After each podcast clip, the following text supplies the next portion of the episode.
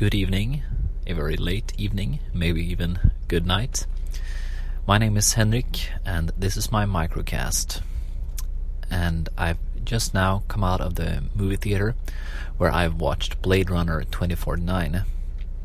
And I just wanted to make a quick recording of my initial thoughts, kind of like I did with uh, Star Wars Rogue One almost a year ago.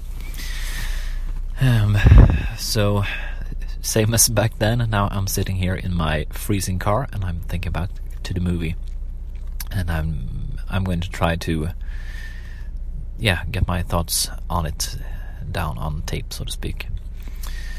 Um, generally speaking, I think it was a movie worth watching if you like the original Blade Runner. Um, but I'm not really sure what I thought about it in the end.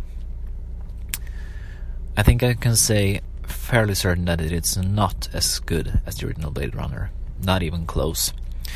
And I don't think it's as thought provoking as the original movie can be. I have a very hard time thinking people in 30 years will still be talking about Blade Runner 2049 and dissecting it every possible way, like people still do with the original Blade Runner.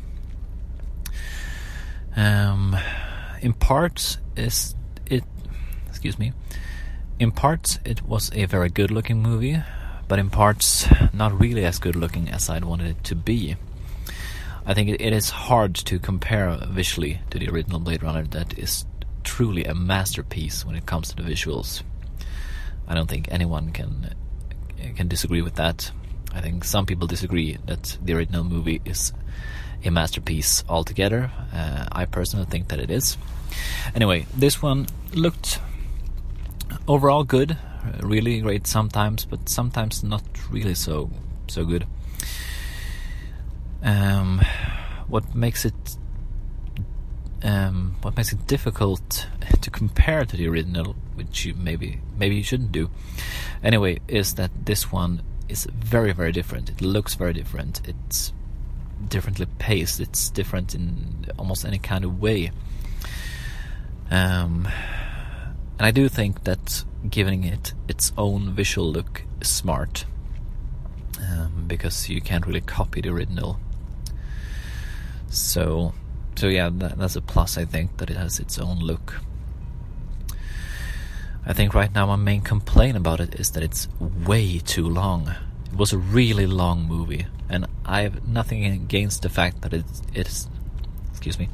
I have nothing against the fact that it is quite slowly paced. The original is really slowly paced. So why not? Um, and I, I like a movie that takes its time. But in that case, the plot gotta be tighter in some way, or they gotta cut stuff out. It can't be this long. It was way too long. It felt like for most of the movie, I didn't even really know what it was about and I don't mean that in a metaphorically what did, do they want to say with it kind of way, but just simply just simple plot things. What what was happening? Um, well, I know what was happening in each scene, but why and why do I care and what to what end is uh, the things happening that are happening? Um, now that doesn't really sound like praise to a movie when I say it like that, does it? Anyway, I think it was interesting. I think you should see it. Um, it had a really good surround sound mix, in my opinion. As far as I know, it was not a Dolby Atmos theater that I saw it in. It was a regular 5.1 or 7.1 surround sound. But the mix was great. Um, the sound design was good. The music was okay. It was nowhere near the epicness that I think this movie should have, the epicness that the original has. It feels. I think this movie would have been a better movie if it hadn't been Blade Runner 2049. If it has just been another sci-fi movie. If it, if they had cut all the ties to the original, just make a sci-fi movie about synthetic people and the things that the movie was about. Um, yeah. I actually think that's it for now.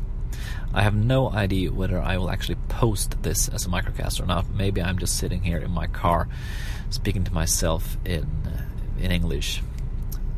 Um, yeah, maybe it's just for me. Maybe I'll post it. I don't know. All I know is that the heat is coming on in the car now, and I don't think I have anything more to say. So again, watch it if you like the original, but uh, expect it to be something different. It's, it's not a rehash of the original in any way. Okay, that's it for now. Thanks for listening. Bye.